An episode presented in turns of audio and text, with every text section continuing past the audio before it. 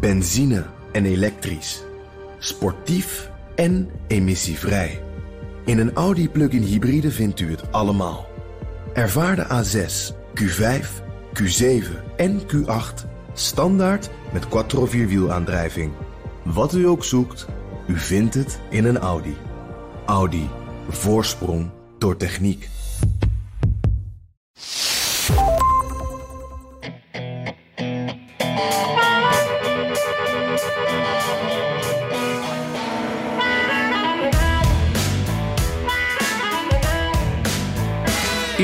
Is eerlijk. Joe Biden maakte deze week behoorlijk indruk met zijn perfecte stunt.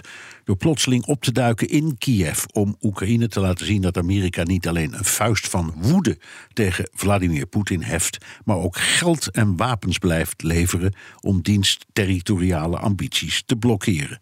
Een dag later herhaalde hij zijn boodschap in Warschau. One year ago, the world was bracing for the fall of Kiev. Well, I just come from a visit to Kiev, and I can report Kiev stands strong. There should be no doubt. Our support for Ukraine will not waver. NATO will not be divided, and we will not tire. Kiev is vrij en blijft vrij, dat beloven de VS en de NAVO. Het verhaal hoe Biden in het diepst geheim naar Oekraïne was gereisd, lees als een kuifje avontuur. Dat is misschien niet zo belangrijk als de politieke inhoud, maar wel spannender. Blijf luisteren. Dit is aflevering 168 van de Amerika-podcast. Mijn naam is Bernard Hammelburg. In de studio met een beker koffie onder het toeziend oog van Juri. Ja, goed dat Juri er ook weer bij is. Uh, Jan Posma hier, zoals uh, eigenlijk bijna altijd aan mijn uh, keukentafel in Washington. Ook met verse koffie, die staat hier voor me te dampen.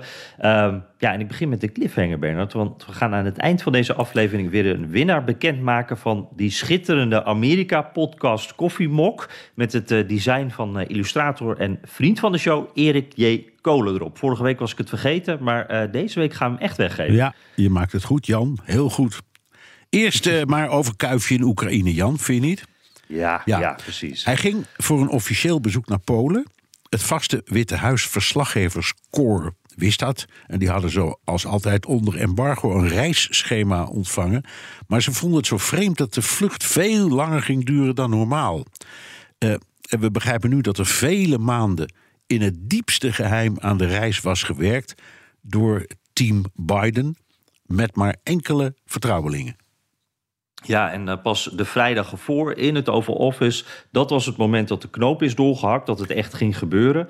En uh, ja, dat daar even flink voor gepland is, dat is echt wel begrijpelijk. Want dit was de eerste keer dat uh, een Amerikaanse president naar een oorlogsgebied is gereisd uh, waar uh, Amerika geen partij in is. En, en, dat is wel belangrijk, want uh, in Irak en Afghanistan stonden Trump, Obama en Bush, die stonden dan op beveiligde Amerikaanse basis met grote hekken eromheen in gebieden die ook door Amerikanen beveiligd werden. En dat was nu niet zo. Hè? Nu stond hij echt ja, in Kiev op de plek waar van alles kon gebeuren. Ja. Um, dus ja, met zelfs, zelfs met luchtalarm ging er. Dus het was om ja. het extra spanning te geven. Ja, ja, precies. Ik hoorde later dat daar een, een MIG in Wit-Rusland was uh, uh, opgestegen. Dat daarom het alarm afging. Want dan kan binnen 20 minuten kan er dan een doelwit in Kiev worden geraakt. En, ja, nou, dat gebeurde gelukkig dus niet. Maar nee. ja, zeker spannend. En uh, ja, dan moet je natuurlijk ook uh, wat, ja, wat, wat, spannende dingen doen. Een beetje James Bond-achtige missie werd het om dat voor elkaar te krijgen. Om dan toch veilig dat te doen. Um, ja, hij vertrok uh, zaterdagnacht vanaf Andrews. Hier die luchtvaart, of luchtmachtbasis vlakbij Washington, waar Air Force One ook staat. Hè. dat is eigenlijk hoe het altijd gaat, zo'n reis. Uh, en uh, nou, we weten ook als uh, de president in het vliegtuig zit, dan is het de Air Force One. Dan krijgt hij die call sign. dat is ook de identificatie die de piloten normaal gesproken gebruiken tijdens hun reis om contact met de verkeersleiding te zoeken. En meestal is dat dan die beroemde Boeing 747. Maar ook als er bijvoorbeeld naar een kleine vliegveld wordt ge gevlogen, dan is dat een ander, kleiner toestel. En dat is dan ook de Air Force One. Dus het is gewoon, ja, waar de president in zit, dan is het de Air Force One. Hè. Um, ja, en, en nu was het een, uh, een Boeing 757 met geblindeerde ramen. En uh, die kregen een andere identificatie mee. Uh, SAM 060, dat staat voor Special Air Mission.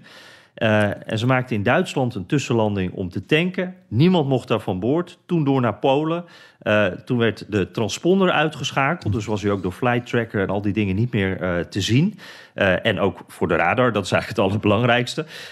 en van daaruit dus met die beroemde, beruchte trein... die zoveel regeringsleiders hebben genomen, met de trein naar Kiev. En ja, dat is ook iets heel geks. Dat ik eigenlijk, ik, heb jij, ik weet niet of jij dat wel eens eerder zo hebt gezien... maar altijd staat de Beast klaar, die grote, donkere, gepantserde limousine. Die ja. stond er nu ook niet. Nee. Nu was de witte SUV, dus ja. echt anders. Totaal anders. Bij mij weten nog nooit eerder gebeurd. Uh, althans, sinds de president zo'n gepantserde auto heeft. En dat is eigenlijk na de moord op Kennedy. Dus dat is al heel lang. Hm.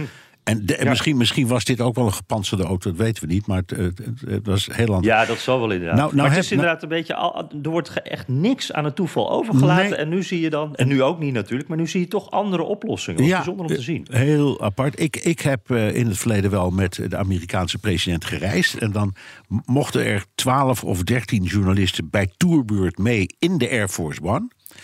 Uh, overigens, dat klinkt spannender dan het is. Want het gedeelte waar de journalisten zitten, dat zijn doodgewone uh, uh, stoeltjes die je in elk vliegtuig ziet hoor. En de, de, president zit in een ander deel, maar die steekt dan halverwege even zijn neus om, het om de hoek om even wat tegen de journalisten te zeggen. En dat is hem dan. Maar goed, mm. het is heel stoer om het, mee, om het meegemaakt te hebben, zou ik maar zeggen. Ja? En daar achteraan vliegt dan altijd een tweede toestel met de rest van de journalisten en de ambtenaren en een deel van de Secret Service en allerlei andere beveiliging. Hoe ging dat hier dan? Ja, sowieso, zoals jij het omschrijft, dat uh, heb ik niet meegemaakt. En mijn collega's van nu uh, ook niet, want dat, uh, Nederlandse collega's, want dat, ja, dat gebeurt niet meer op deze manier. Dat wordt en heel duur en nou, het is niet allerlei te, Dat klopt, het is niet te betalen. Nee, het kan hoor. Ja. Je kunt je opgeven. Heel jammer. Maar... Jij kunt je als ja, ja, geaccrediteerd correspondent in Washington kun je, je melden en vragen of je mee kan. En dan, dan betaal je, dat weet ik nog precies, um, het normale eerste klastarief naar zo'n bestemming. En dat maal twee. En, ja, dus ja, dat, uh, ja, dus dat ja. ongeveer. En dat rekenen ze precies uit hoor. Dus ze verdienen er geen cent aan. Maar het mag ook de belastingbetaler geen cent kosten. Dus zo zit dat in elkaar. Ja, precies. Ja. En, en dit, dit was sowieso een heel andere situatie natuurlijk, omdat het allemaal zo geheim en in het geniep ging. Uh, er mochten maar twee journalisten mee. Uh, die moesten hun telefoons en laptops uh, meteen inleveren. vaste cameraman van het Witte Huis was erbij. En echt een handjevol adviseurs maar. Dus een veel kleinere groep mensen de, om de president heen dan normaal. En de rest van de journalisten die vlogen in één keer door naar Warschau. Die wisten toen nog van niks waarschijnlijk. En de in Kiev gestationeerde journalisten uh, waren allemaal door de Amerikaanse ambassade opgetrommeld om, om ook te verzamelen. Dus die wisten ook dat er iets ging gebeuren op het laatste moment. Uh, maar die wisten ook niet waarvoor. Dus het was allemaal geheim. Ja, Jan, en dat vragen we altijd op zulke spannende momenten. Als de president echt gevaar loopt, en dat, dat deed hij. Waar was de voetbal? Dat, dat leren koffertje met de, de nucleaire codes. Ja, precies. Dat, dat, dat, uh, dat, zoals altijd er is dan één persoon die daarover gaat. Een marine is dat uh, meestal, hè, die dan dat, dat aan zijn, zijn pols heeft vastgemaakt, dat koffertje. nu was er ook iemand die dat dus vasthield en die daarbij was. Dus het koffertje was mee. maar dat vond ik ook zo'n fantastisch detail in dit uh, James Bond verhaal. Um, want je denkt dan, dit gaat allemaal in het geheim. Uh, ze willen ook niet dat Rusland dit uh, dan weet. Maar voor aankomst hebben ze wel, echt een paar uur van tevoren... hebben ze het Kremlin op de hoogte gebracht. dus, dus Poetin is gebeld, wij komen eraan, pas op. want ja, het zou natuurlijk een ramp zijn en een ongelooflijke escalatie. Uh, slecht voor eh, de hele wereld. Als daar net een bombardement uh, op Kiev zou plaatsvinden, ja. als Biden daar is. Ja, dat hebben ze dus, ook. Het is verstandig ja. dat ze dat hebben gedaan. Nou ja. Ja, hey. dus, dus ze gingen er ook vanuit dat ze die voetbal niet nodig hadden. Nee, maar als, als, als, de Netflix hierover uitkomt, Jan, de film. De, en, die, en die komt, dan speelt die voetbal vast een, een hoofdrol. Ja, ja dat, ik zie de close-up al voor me. En, en uh, ik zie ook al voor me, Bernard, dat ze met die trein Oekraïne uitrijden. En dat er dan eventjes geklapt wordt en opgelucht adem gehaald. En dat we dan inderdaad even inzoomen op die koffer. Dat, uh, uh, ja, dat scenario schrijft zichzelf. Ja. Um, ja, hey, en, en ja, Bernard, het, het, was, jij noemde het ook al, het was natuurlijk niet zonder risico. Dit is echt wel uitzonderlijk. Een president die, die buiten staat terwijl een luchtalarm afgaat in een oorlogsgebied. Um, het is echt uitzonderlijk. Maar ook, uh, hebben we het in de BNR-uitzending ook veel over gehad... grote symbolieke waarde voor Oek uh, Oekraïne, ook voor Biden zelf trouwens. was dit het nou allemaal ook waard? Ja, het, het, het, het rare meestal met dit soort dingen, dat moeten gewoon de komende weken afwa uh, afwachten. Dan, dan zie je, dan zie je zo'n verhaal weer weg hebben. Hè? Dan is het geweest. Maar in geval was de timing, vond ik echt perfect. Want uh, Biden kwam dus aan in Kiev voordat Poetin uh, zijn State of the Union voor het Russische parlement uitsprak. Um, en uh, troefde dus zijn rivaal af, want hij hield dan een geweldig betoog in, in Kiev. En vlak na Poetins State of the Union hield hij opnieuw een toespraak vanuit Warschau. Dus, dus Poetin was, zal maar zeggen, in een sandwich gedrukt. De Biden-sandwich. Ja, in een Biden-sandwich, waardoor die speech van Poetin, die overigens ontzettend saai was en twee uur duurde, er kwam geen eind aan. Um, de, maar dat, de, de, het effect daarvan werd weggepoetst.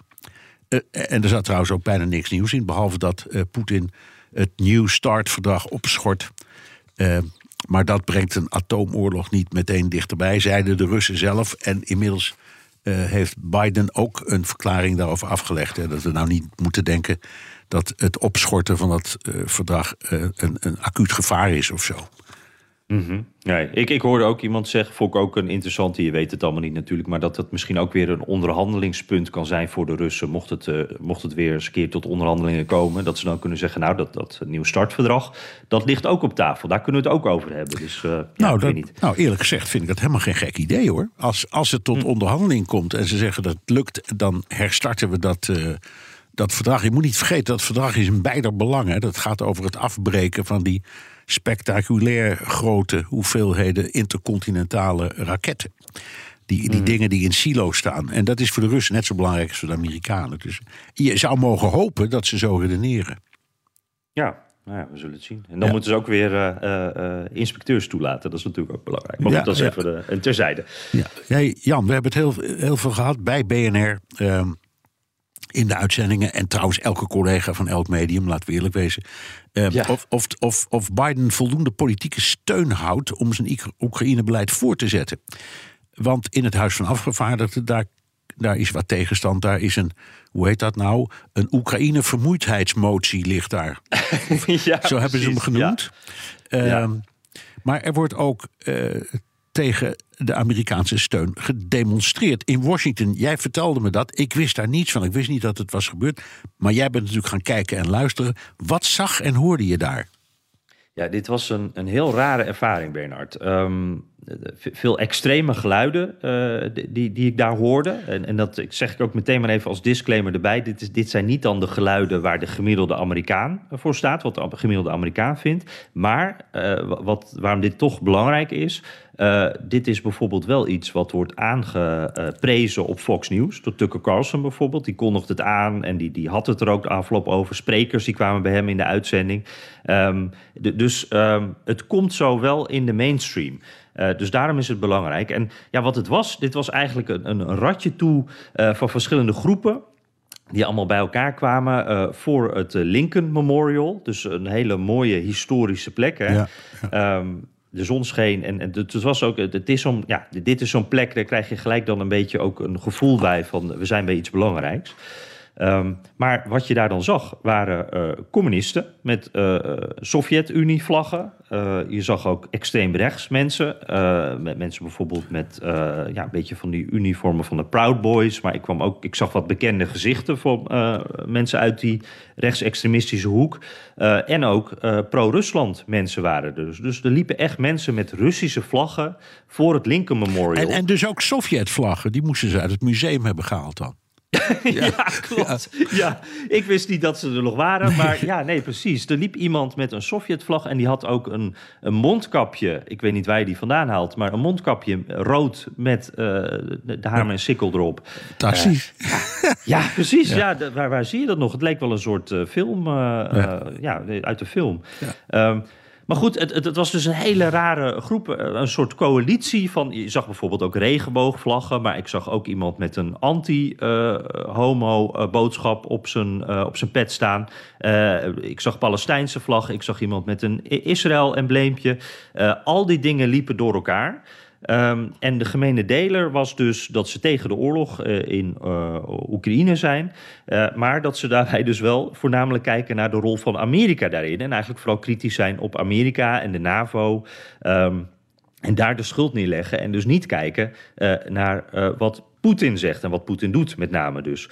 Um, en wat ook een gemene deler was, dat was een heel groot uh, argwaan tegen alle overheden. Uh, de, de, dus de Amerikaanse overheid, maar ook bijvoorbeeld de NAVO uh, en ook het WEF. Um, Klaus Schwab, die naam kwam ook weer veel voorbij. Dat zien we bij Nederlandse demonstraties ook nog wel eens. En daar, nou ja, dan zit je ook altijd een beetje in die hoek. Dan gaat het ook richting het complotdenken. Dat kwam ook allemaal voorbij. Um, uh, over corona, over dat World Economic Forum, over de, de kabal die ons regeert, allemaal dat soort dingen. En ook veel um, mensen van de libertariërs hoe zeg je dat? Libertaire partij, de Libertaren. Ja, ja liber, ik, Libertarians. Mij, ja, ik denk dat je het Libertijnen zou noemen in het Nederlands. Libertijnen, dat maar, is mooi. Ja. Maar die gaan we even opzoeken. Ja, ja precies. Ja. nee, uh, Libertarians, dan weet iedereen wat ik bedoel. En daar was bijvoorbeeld, en daar kom je dan ook een beetje richting de mainstream. Uh, Ron Paul, uh, die we nog kennen uit het Amerikaanse congres, oud-presidentskandidaat. Uh, die sprak ook. Uh, dus die, die stond ook op dat podium. maar even ter, om het, ter illustratie, ook Tara Reid, dat is die vrouw die we nog kenden, die beschuldigde president Biden van aanranding oh ja. jaren geleden. Dus die is ook anti-oorlog en nou, die had er ook een heel verhaal bij.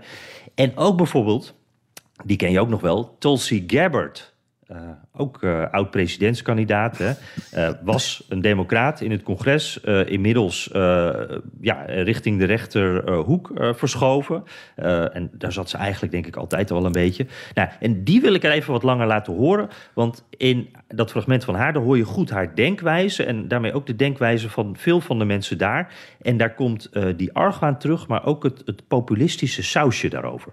Those people who work in our nation's capital eagerly continue to escalate tensions, eagerly wage new Cold Wars, understanding that if there's a nuclear attack, yes, they will be okay in their bunkers where they literally have plans to be able to continue to wage wars from their bunkers without any consideration for the rest of us and the destruction and incineration that their wars will cause.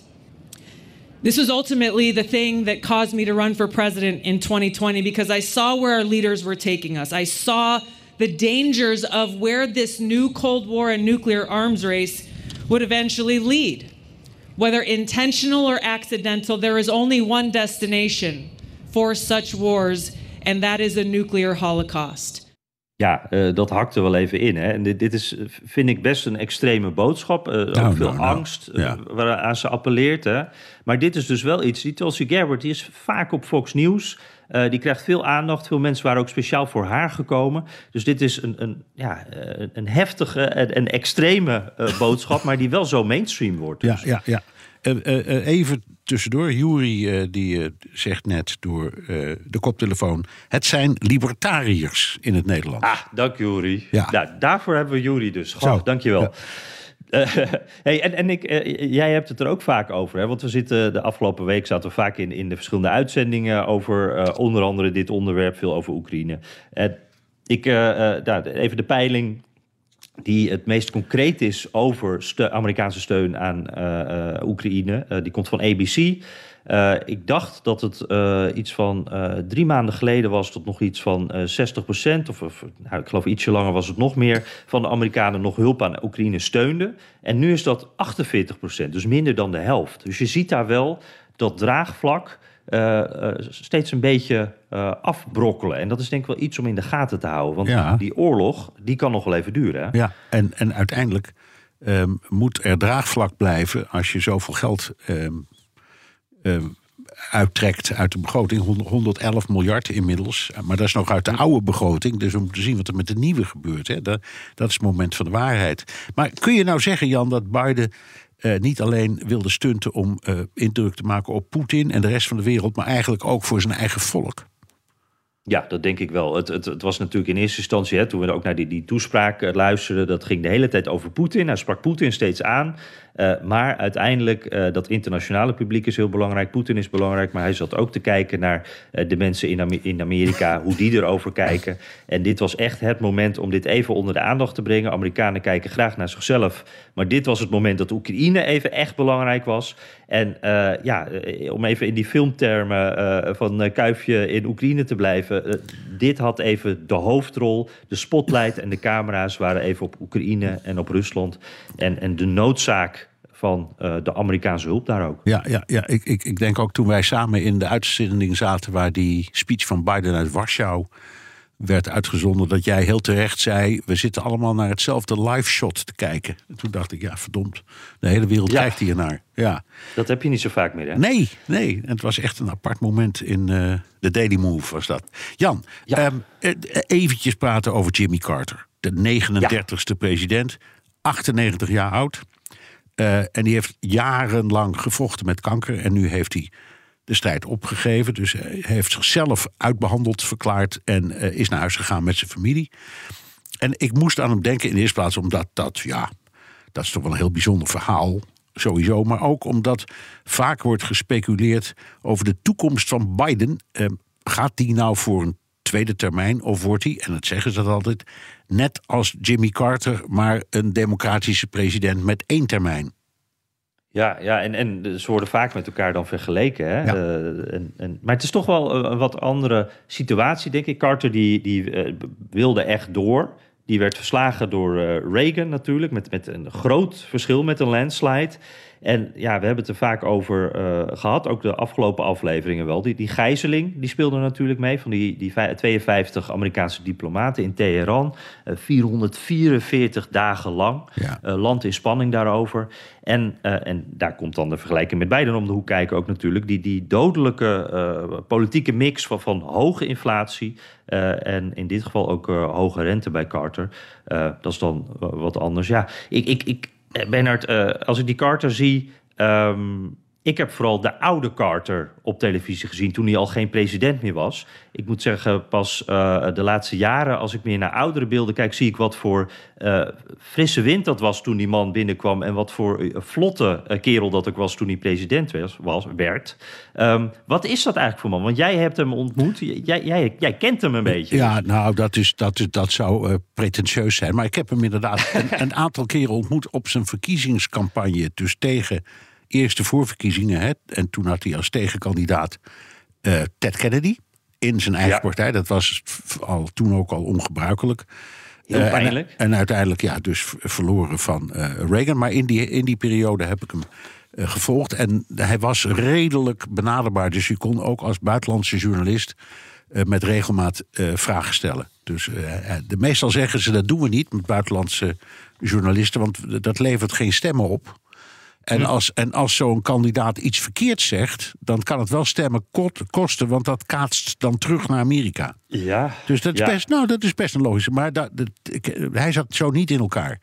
Ehm, en eh, eh, toen hij was afgetreden, kort daarna heb ik hem heel uitvoerig geïnterviewd over eh, de kwestie van kerk en staat.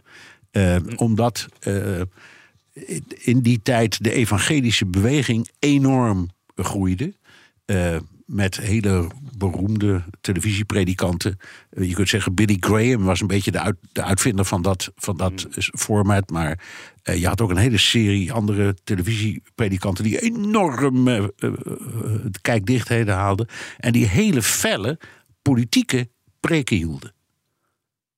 Hm, Ja, en, en dat is wel eh, belangrijk hier. Hè? Want eh, religie, dat is eh, een belangrijk aspect van Carter. Op la late leeftijd zagen we nog hoe hij die, die zondagschool gaf... Hè? in zijn- woonplaats in Plains, Georgia. Hij is, nou, hoe zou je het moeten noemen? Zeer orthodox protestant. Is dat een beetje zijn... ja? Zeker, zeker. En dat, dat, zo, zo drukte die het ook uit hoor. Dus een echte baptist. Ehm, en dat is veruit de grootste protestantse groep in eh, Amerika. Eh, en dat is echt een, een soort oergroep van de, de protestantse eh, eh, geloofsrichting. Je- er zijn, meen ik, 72 verschillende vormen van protestants in, in, in, eh, in eh, Amerika. Maar dit is veruit de grootste.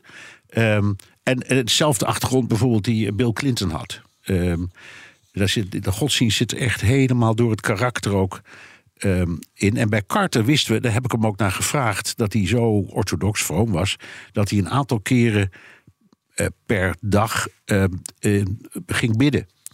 Eh, Elke vier of vijf uur deed hij dat dan. En er zaten dan ministers of adviseurs bij. Sommigen waren, eh, daar- waren ook van die kant. Maar een heleboel die ergerden zich dan kapot.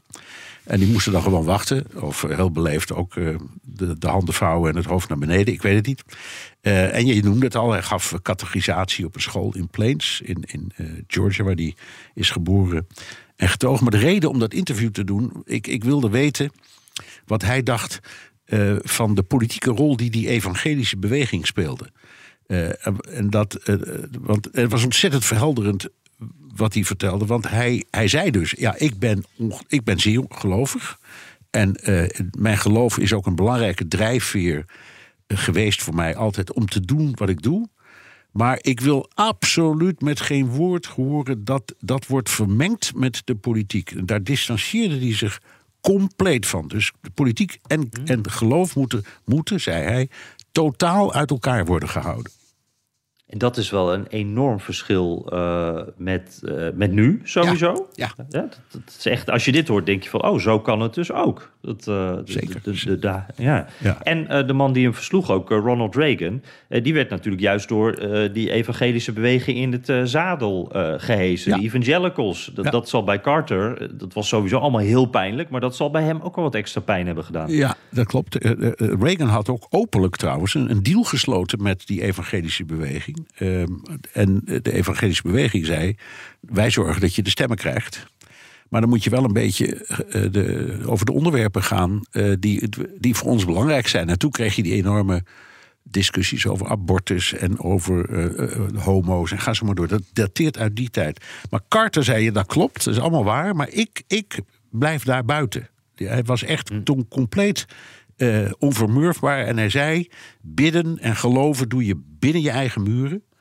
Ehm, al rekende die daar dat te- ten koste van die medewerkers ook eh, het Oval Office toe. Dat, dat, was, ook- dat was ook thuis. Ja, Dat dan weer wel. Ja, ja. nou, ik, ik, want hier, eh, als je dit zo hoort, denk je van... oh, dit is iemand die er in ieder geval heel goed over na heeft gedacht... die genuanceerd hierin is. Ook oog heeft voor, voor anderen daarin. Eh, ik, ik merk ook wel een beetje nostalgie eh, in de berichtgeving over Carter. Merk je dat ook bij, Amerikanen ook van... oh, wacht eens eventjes, dit was iemand die zijn pindaboerderij nog verkocht... voordat hij president werd, zodat er geen eh, belangenverstrengeling was. Eh, nou, dit voorbeeld. Eh, ja, er wordt wel... Het Ja, was lang nou, een beetje een sukkeltje omdat hij maar één termijn had... maar er wordt nu wel met nostalgie ook een beetje Is- naar is- gekeken. Dat is zeker zo. En, kijk, in de eerste plaats, hij is met zijn 98 de oudste president of voormalig president ooit. Hè? Dus, eh, dus. Ja, dat, dat, dat maakt hem al, hij is, hij is al bijna een halve eeuw eminence grise. Ja, Ja, moet je nagaan. Dat is heel lang hoor. Eh, zijn vrouw is er ook nog, Rosalind, 85 jaar, 95 eh, jaar eh, oud. En ja, het is, je hebt wel gelijk, er wordt, er wordt met de enige nostalgie over hem gesproken, omdat hij, wat je ook van hem dacht, door en door fatsoenlijk was. Er zat echt geen, geen, geen kwaad bij. Ehm, hij heeft ook politiek wel wat betekend. Denk aan de overdracht van het Panama-kanaal eh, aan Panama. Dat was zijn eh, beleid. Dat heeft hij ook uitgevoerd. Eh, de vrede tussen Israël en Egypte. Hè, de, de Camp David-akkoorden. ook van. Maar goed, ik, ik, we zullen ongetwijfeld. nog wel vaker al over hem praten. Want het is een man waarover veel te vertellen is. Maar het was, Ja. ik vond het belangrijk. Hij is nu in leven. en we kunnen nu nog over Jimmy Carter praten in de, in de, in de tegenwoordige tijd. Ja, precies. Ik, ik heb nog een hele snelle tip trouwens, want ik zat dit weekend eh, Netflix te kijken. Toen zag ik de documentaire Jimmy Carter, Rock and Roll President. Over de rol van muziek in zijn leven, in zijn carrière. Met de Allman Brothers, Bob Dylan, allerlei eh, muzikanten. Eh, ook een heel mooi beeld van die tijd, maar ook van Jimmy Carter. Dus eh, een tip. Ja, Jan, we gaan zo verder. Maar eerst onderbreken we de Amerika-podcast even voor een mededeling. Benzine en elektrisch. Sportief en emissievrij. In een Audi plug-in hybride vindt u het allemaal. Ervaar de A6, Q5 Q7 en Q8 standaard met quattro vierwielaandrijving. Wat u ook zoekt, u vindt het in een Audi. Audi. Voorsprong door techniek. Jan, zullen we naar de luisteraars vragen? Die zijn welkom via de mail of via de Amerika-podcast WhatsApp. Daar kun je ook je vraag of opmerking inspreken. Het nummer is 06 28 13 5020. Ja, en uh, houd ze uh, allemaal, in welke vorm je dat ook doet, alsjeblieft een beetje uh, binnen de perken, want dan kunnen we ze makkelijk meenemen. Is altijd praktisch, hoeven we niet in te knippen. Ehm, en laten we beginnen met een audiovraag, want dat is altijd leuk. Van een vaste luisteraar uit Gent, Chris Flemings. Ik probeer het Amerikaanse nieuws te volgen via de websites van New York Times, CNN, als tegengewicht gewicht ook Fox. En bij die laatste ben ik echt gedegoteerd door het feit dat er eigenlijk met geen woord gerept, of geen, geen woord en geen beeld gerept wordt over de, de aardbeving in Turkije en Syrië. Nu vroeg ik mij enerzijds af, wordt, weet de helft van de bevolking in de Verenigde Staten effectief effectief niet wat er daar aan de hand is. En daarnaast, uh, zowel in België als voor, en vooral in Nederland, wordt er via uh, netoverschrijdende tv-shows heel veel geld ingezameld voor dergelijke buitenlandse rampen. Gebeurt iets dergelijks soms ook in de Verenigde Staten? Of in, in, ik veronderstel eigenlijk van niet. Maar wat is daar dan doorgaans de manier waarop geld wordt ingezameld voor uh, steun te bieden aan dergelijke rampen? Ja. Alvast bedankt. Ja, goede vraag, Jan. Mm. Ja, ja, ja. ja. Nou, uh, uh, jij eerst even? Of, of ik ja? Uh, ja. Laat, laat, ik het heel simpel zeggen. Ze kennen dit verschijnsel niet. Nee. Ik kan me wel op plaatselijk niveau hoor. En het is ook best zo dat er kerken zijn en andere organisaties die uh, misschien dit soort dingen doen. Maar het, is geen, het zit niet in de Amerikaanse ziel. De Amerikanen zeggen ook. Uh, dit is nu de reden waarom wij federale belasting betalen als er zoiets aan de hand is. En er moet 100 of 200 miljoen dollar worden vrijgemaakt, dan moet dat uit de belastingpot. Uh, wat niet wil zeggen dat Amerikanen niet heel vrijgevig zijn. Want uh, bijvoorbeeld al die prachtige musea en, en allerlei andere instellingen, onderzoeksinstituten, universiteiten, die draaien allemaal op giften van Amerikanen. Uh, en daar zijn ze heel genereus in. Maar bij een ramp in het buitenland, nee, dat niet. Hoe ziet het trouwens, uh, Jan, met rampen in het binnenland? Bijvoorbeeld wat er in Ohio nu is gebeurd met die uh, vreselijke toestand met die trein. Zijn dat, ja. Ik geloof ook niet, er, er komen geen televisieuitzendingen van wil je storten, hè? Nee, nee het, het, zijn inderdaad die kleine initiatieven. Dus je hoort dan wel eens dat een, een miljonair geeft dan een bedrag. Of uh, van, vanuit de kerk komt ook veel. Dat, ja. dat is ook wel, uh, dat is echt zo'n... Dat zijn instanties hier die echt zo in de maatschappij zitten. En met dit soort momenten, uh, dan, komen ze meteen naar zo'n rampgebied. Dan zijn hele, hele commandocentra. alles wordt meteen geleverd. Of dat nou een aardbeving, een overstroming of zoiets als dit is. Uh, maar het, het, zijn kleine initiatieven. En ook wat uh, Chris zegt, uh, dat is denk ik ook waar. hij vraagt zich af van, weten Amerikanen het dan gewoon eigenlijk helemaal niet? Ik denk dat dat ook waar is, denk je niet? Dat zo'n grote aardbeving die in Nederland toch veel, veel aandacht krijgt in het nieuws. Hier krijgt het ook wel aandacht, maar... het is ook snel weer weg. Nee, het is als er hier in Amerika ja. dan iets gebeurt. Nee, dus bijvoorbeeld die... ja. Uh, treinontsporing in East Palestine in Ohio hebt, die, die chemische ramp daar, dan is dat uh, dichterbij en belangrijker. En uh, dan is uh, Turkije en Syrië ineens eigenlijk heel abstract. En dan ja, verwijt dat Ja. nieuws ook eigenlijk zo weer. Het is, gewoon- gelijk, het is gewoon een afstand. Ook heel veel Amerikanen die, die kijken dat nieuws ook niet, dus die weten er echt niet van, denk ik. Nee, het is gewoon een afstand. Dank voor die vraag in ieder geval. Koen Nijenhuis, uh, ja, die wil het even hebben over de trias politica. Dat is zo'n onderwerp wat uh, vaak weer terugkomt, ook bij de luisteraarsvragen. Uh, um, en dan met name ook het onderwerp waar Koen naar vraagt. Uh, jullie hebben het vaak over het Hoge Rechtshof en dat de rechters genomineerd worden door de president en vervolgens al dan niet goedgekeurd en aangesteld worden door de Senaat. Geldt deze aanstellingswijze alleen voor leden van het Hoge Rechtshof of voor alle rechters in de VS? En hoe zit het dan bijvoorbeeld met lokale rechters? Ja, nou, het uh, antwoord is heel simpel. Het geldt alleen voor de federale rechtbank, waar het Hoge Rechtshof ook onder valt. En er zijn in alle staten federale rechters, die worden dus benoemd door de Senaat op voordracht van de president. En je hebt rechters, eh, meestal vooral in het strafrecht, dus laten we zeggen moordzaken, die komen bijna altijd voor een rechter die gekozen is in een staat of een stad of een provincie. Uh, dus dat zijn twee langs elkaar werkende systemen.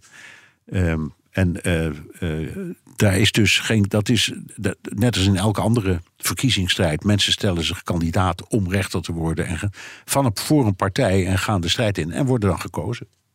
Hm. En de, de, vraag die daar dan altijd bij komt, uh, Koen stelt hem ook, uh, ja, wij in Nederland denken dan we moeten de scheiding der machten, uh, dat is belangrijk. hoe kan het nou dat dat hier zo door elkaar lijkt te lopen in dit systeem? Ja. Politieke benoemingen voor rechter. Ja, nou ja, um, dat kun je zeggen. Aan de andere kant, um, het goedkeuringsproces, dat is door de jaren heen toch altijd redelijk zorgvuldig. Er worden geen amateurs benoemd, hoewel je voor het Hoge Rechtshof geen jurist hoeft te zijn. Staat nergens dat dat moet. Dus dat vind ik wel een grappig detail. Ja. maar, ze gaan, maar ze gaan er. Uh, ik zeg, er zit, het is niet helemaal los van integriteit. Maar je kunt inderdaad de vraag stellen. Aan de andere kant, ook in Nederland bijvoorbeeld worden rechters benoemd. En dat gaat ook op voordracht van uh, het kabinet. wij denken dan altijd dat wij daar super zuiver in zijn. En dat geloof ik ook hoor. Uh, ik denk niet dat politiek daar een grote rol speelt. Maar als je bijvoorbeeld naar Geert Wilders luistert, dan zou die hier onmiddellijk zeggen: wacht even, het zijn allemaal D66'ers. Dus dat gevoel, dat leeft in Nederland ook wel een beetje. Het is niet helemaal alleen in Amerika. Uh, en dan tenslotte kun je ook zeggen: als je dit systeem hebt en zegt. De kiezer heeft uiteindelijk altijd overal de macht over. Dan is het niet zo gek dat je zegt dat de kiezer via de door hem aangewezen personen ook de onafhankelijke rechtbank bij elkaar scharrelt. En op een bepaald moment is die rechter benoemd. En vanaf dat moment heeft hij ook helemaal niets meer te maken met uh, de, de twee andere machten. Maar ik begrijp de vraag, het is verwarrend, Koen. Ja, en een, een, blijvend onderwerp eh, van debat. Uh, niet alleen in deze podcast. Uh, dank voor die vraag, Koen. En hij zegt ook nog: hij is net op huwelijksreis geweest met de camper door Californië, Nevada, Arizona en Utah afgelopen zomer. Poeh, dat klinkt heel mooi. Bob dan. Bob Ibuanga. Als ik, ik hoop dat ik dit goed zeg, Bob. Um, uh, en die vraagt zich af, uh, ja, waarom noemen Amerikanen de Super Bowl het grootste sportevenement ter wereld? Terwijl volgens mij een evenement zoals het WK door veel meer mensen en landen bekeken wordt. Ja, ja goed punt. Uh, ja, volkomen gelijk. En ze hebben het ook. Ja. Ze, no ze, noemen de, de, de eindronde van het honkbalseizoen de World Series. Ja. En daar spelen uitsluitend Amerikaanse en Canadese uh, teams in. En verder helemaal niemand. Ja. Vroeger was er wel eens een Japans team bij, maar dat was het dan. Maar niks World. En dat heet ook, de winnaar heet dan de World Champion. En ja. het, het, het, vertelt veel over Amerika, want Amerika is de wereld. En wie daar ergens kampioen van wordt, is dus wereldkampioen. Ja, precies. Dan tellen wij niet meer mee. Nee. Ik, ik zag, uh, wat, we hadden net weer die Super Bowl. Hè, en toen uh, hoorde ik ook oh, iets van 110 miljoen uh, kijkers via de tv. Denk ik, oh, dat is wel heel veel. en toen zag ik iemand die noemde hoeveel kijkers ze naar het, de finale van het WK voetbal kijken. Dat zijn er dus een paar miljard. Ja, ja. dus ja. Amerikanen kunnen roepen wat ze willen. Maar ja, ja. voetbal blijft populairder. Zo is dat. Ja, hey, uh, Sander Gorissen. Uh, sowieso, Sander, blijf even luisteren tot het einde van deze aflevering. Uh, zeg ik er even als hint bij. die heeft een vraag en dat gaat ook over de Super Bowl. En hij zegt van ja, Chris Stapleton, Amerikaanse countryzanger, die zong het Amerikaanse volkslied. Persoonlijk vond ik het een prachtige, ingetogen en intense uitvoering. En ik, heb jij hem gezien, Bernard, toevallig? Nee, ik heb hem niet gezien. Nee, nee, want het was midden in de nacht. Dus, en, ik, ik, ja. en ik ben er toch al niet. Ik ben, niet, ik ben niet zo weg van voetbal. En dus ik, ik heb de Super Bowl even laten gaan. Ik zou dat in de nacht ook niet doen. Want nee. dan zit je inderdaad vijf uur uh, wel ja. heel lang naar zo'n wedstrijd te kijken. Maar die, uh, dit was echt heel mooi. Deze uitvoering van het uh, volkslied vond ik ook echt een van de mooiste die ik, die ik gehoord heb. Dus mocht, mochten jullie thuis hem nog eventjes terug willen luisteren, kijk even op YouTube, daar staat hij op. de vraag daarbij is, wat vonden jullie van deze uitvoering? Nou, net gezegd. En welke uitvoeringen of momenten uit het verleden staan jullie bij? Poeh. Heb jij die van Whitney Houston? Ja, uh, dat, heb ik terug, dat, heb ik ja. terug, dat heb ik inderdaad teruggekeken. Ja, daar heb je gelijk in. Dat was een hele mooie. Ja, ja. die staat volgens mij overal wel een beetje bovenaan. Ja, dat, was, dat is inderdaad heel indrukwekkend. En die van, ja, ik vond die van Stapleton nog wel mooi. Juist omdat hij inderdaad zo ingetogen en alleen met zijn gitaar. Ik geloof je onmiddellijk. Ja. ja. Hey, en uh, tweede vraag daarbij: wat is eigenlijk de historie van de Star Spangled Banner? Uh, ja, uh, heb jij hem zo paraat of zal ik hem even op? nou, doe maar even. Ja, de sterretjes en dat verandert nog alles. Vertel maar. Ja, precies. Nou van Francis Scott Key. Uh, die, die, maakte een gedicht. Uh, er is nog een brug hier vernoemd naar hem in Washington. Uh, hij zag het bombardement van Fort McHenry in Baltimore. Dat is tijdens de oorlog van 1812. tegen de Britten was dat. En ja, dat, dat gedicht gaat er eigenlijk over hoe overal alles aan het ontploffen is. Maar dat ondertussen, als je omhoog kijkt, de Star Spangled Banner daar nog steeds is. En uh, ja, het is, ik vind, eh, als je naar de tekst luistert en, en, en als je die naleest, eigenlijk een heel mooie, uh, mooie tekst. Ja, en de letterlijke vertaling is gewoon een banier, dus een vlag waarop de sterretjes staan. En elk sterretje is één staat. Dus er staan 50 sterretjes op. Maar toen Alaska en Hawaii nog geen staten waren, en die zijn dat pas in de jaren 50 geworden, toen stonden er maar 48 op. Dus dat, die, die vlag is een aantal keren veranderd. Ja, ja, maar het lied blijft hetzelfde. Uh, Jeroen is dan ook een, vriend van de show. Um, nou, die zegt: uh, de kogel is door de kerk. Nikki Haley is presidentskandidaat. Uh, maar wat ik mij nu afvraag. Hebben jullie al ergens echt serieuze argumenten gehoord waarom zij de kandidaat namens de GOP niet gaat worden? Of uh, zou bijvoorbeeld ook een reden kunnen zijn dat ze net uh, als Trump gewoon te vroeg in de race is gestapt. Dus wat is nou een reden waarom Nikki Haley niet de volgende uh, kandidaat voor de Republikeinen zou worden? Ja. Ik, ik, ik, ik laat vooropstellen dat ik dit soort dingen nooit weet, omdat het vaak, zo vaak anders loopt. maar het, het, kan van alles zijn. het kan zijn dat de tegenstanders, inclusief Donald Trump en DeSantis als hij meedoet, en er zijn er nog meer, sterker overkomen uiteindelijk op de kiezers tijdens het voorverkiezingstraject. Dat kan gebeuren, hmm. om wat voor reden dan ook. Dat de, de, ik zeg maar de, de, grootste aandacht van de kiezer uitgaat naar een kandidaat. Uh, en dan vallen de anderen automatisch af. Het is niet altijd dat ze worden afgeschreven, maar gewoon dat de ander net ietsje beter doet in die voorverkiezingen. En ik kan het niet beoordelen. Ik heb geen idee hoe dit loopt. Wat ik wel interessant vind, is dat je duidelijk stromingen ziet uh, groeien mhm. in de Republikeinse uh, partij. En dat zal in de voorverkiezingen ook blijken. En het interessantst voor ons, vind ik, is gewoon om te kijken welke stroming nou uiteindelijk het sterkst is. Um, en wat dat betreft neem ik Nikki Haley echt heel serieus. Ja, zeker, zeker. En, uh, en tegelijkertijd zie je ook wat jij omschrijft ook gebeuren. Dat op dit moment, dit kan allemaal weer veranderen... maar DeSantis, Ron DeSantis uit Florida... Die, die, heeft echt een soort platform. Die zie je automatisch heel makkelijk steeds overal doordringen in de media... terwijl Nikki Haley daar nog wat meer haar best voor moet doen. Ja, is dat een dynamiek die zo blijft of gaat dat veranderen? En over die stromingen... Nikki Haley probeert nu nog een beetje zo van twee walletjes te eten. Hè. Die is uh, een beetje van Trump, maar een beetje tegen Trump... Uh, ik ben wel benieuwd of dat nou zo blijft. En of dat dan goed genoeg is voor die voorverkiezingen. Want je wil toch ook iets uitgesprokens vaak in die voorverkiezingen. Nou, kijk, kijk, als ze het halen tot aan de debatten, hè, daar zijn alleen de, mhm. de laatste over. Dan ben ik benieuwd hoe de confrontatie tussen Nikki Haley en Donald Trump wordt. Want dat is het uur van de waarheid. Zeker. En dan wordt het inderdaad. Uh, nou, daar kunnen we nu al naar vooruit kijken. Ik hoop dat dat in ieder geval gaat gebeuren. Dat ons gegund is, uh, Bernard. Ja. Hey, uh, leuke vraag in ieder geval. Henry Spaan dan, ook over Nikki Haley. Want, nou, dat hebben we ook al eens eerder genoemd... dat zij gestopt was als VN-ambassadeur omdat dat te weinig opleverde. Ze had studerende kinderen, noemde jij toen volgens mij, toch? Dat was de reden. Ja, dat zei ze toen ook, ja. Ja, ja. ja. hoeveel verdient een Madam President eigenlijk? Want dat is belangrijk, zegt hij. want ja, misschien stopt ze er wel halverwege mee anders. Bij, bij mij weten 400.000 dollar. Ehm, en, dat, en dat was tot Bill Clinton 200.000 dollar. Uh, daar kon Clinton overigens niets aan doen hoor, die had daar niks mee te maken. Maar het congres heeft toen besloten dat dat wel erg magertjes was voor de president van de Verenigde Staten. En ze mogen niets aftrekken van de belasting. Hè? Dus ze betalen de volle map. Is in Amerika misschien wel wat minder, maar het is toch veel geld. En een, een, een um, ambtenaar, dus die verdient bij mijn weten 180.000. En dat geldt voor allemaal. Voor een rechter, voor een congreslid, uh, voor een ambassadeur bij de VN, voor een minister. Ze verdienen allemaal precies hetzelfde. En ik meen uit mijn hoofd dat het 180.000 dollar is. Hm. Ja, en, en wat wel uh, voor die president ook meespeelt natuurlijk... het is met kosten en inwoning hè? En, en onkostenvergoeding en zo. Dus op dat punt, uh, met die 4 ton...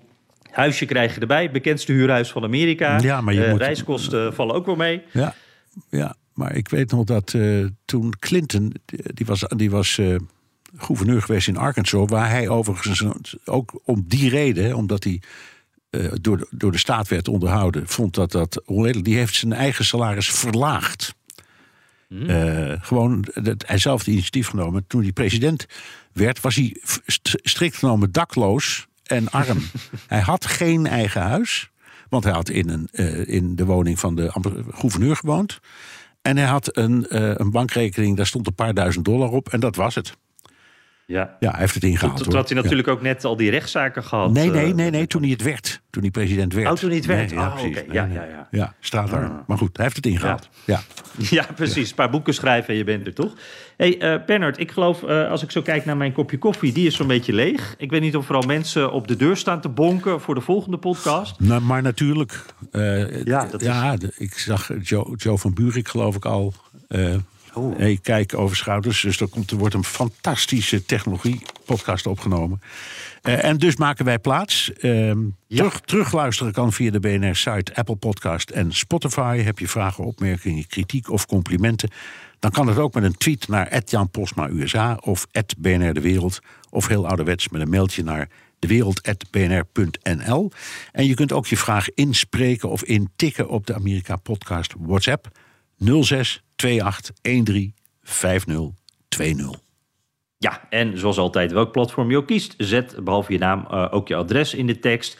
Eh, want die beroemde Amerika-podcast Koffiebeker, eh, die kan dan naar je toe komen. En daarover sprekende, we hebben weer een winnaar. Eh, ja, je hoorde zijn naam net al voorbij komen, want eh, eh, ja, hij wilde echt kans maken, denk ik, Bernhard. Want hij stel- stelt meerdere vragen om zomaar zoveel mogelijk erin voor te komen in ons tombola. Ehm, maar ik vond vooral zijn vraag over de kosten en vergoeding van medicijnen, zoals insuline, vond ik heel interessant. Het is een onderwerp wat ik persoonlijk heel interessant vind, maar ook Ja. echt iets wat veel Amerikanen aangaat. Ja, ik vond het ook. Ik ben het helemaal met je eens. We zijn, we zijn weer unaniem in deze keuze, Sander Gorissen. Heel goed.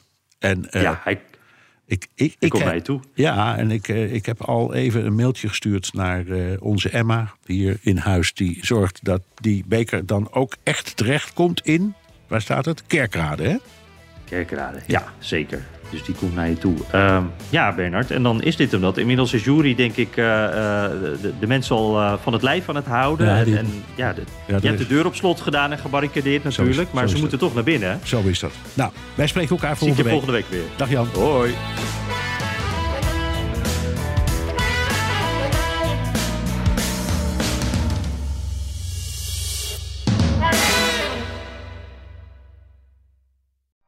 Benzine en elektrisch. Sportief en emissievrij. In een Audi plug-in hybride vindt u het allemaal. Ervaar de A6, Q5, Q7 en Q8 standaard met quattro vierwielaandrijving. Wat u ook zoekt, u vindt het in een Audi. Audi. Voorsprong door techniek.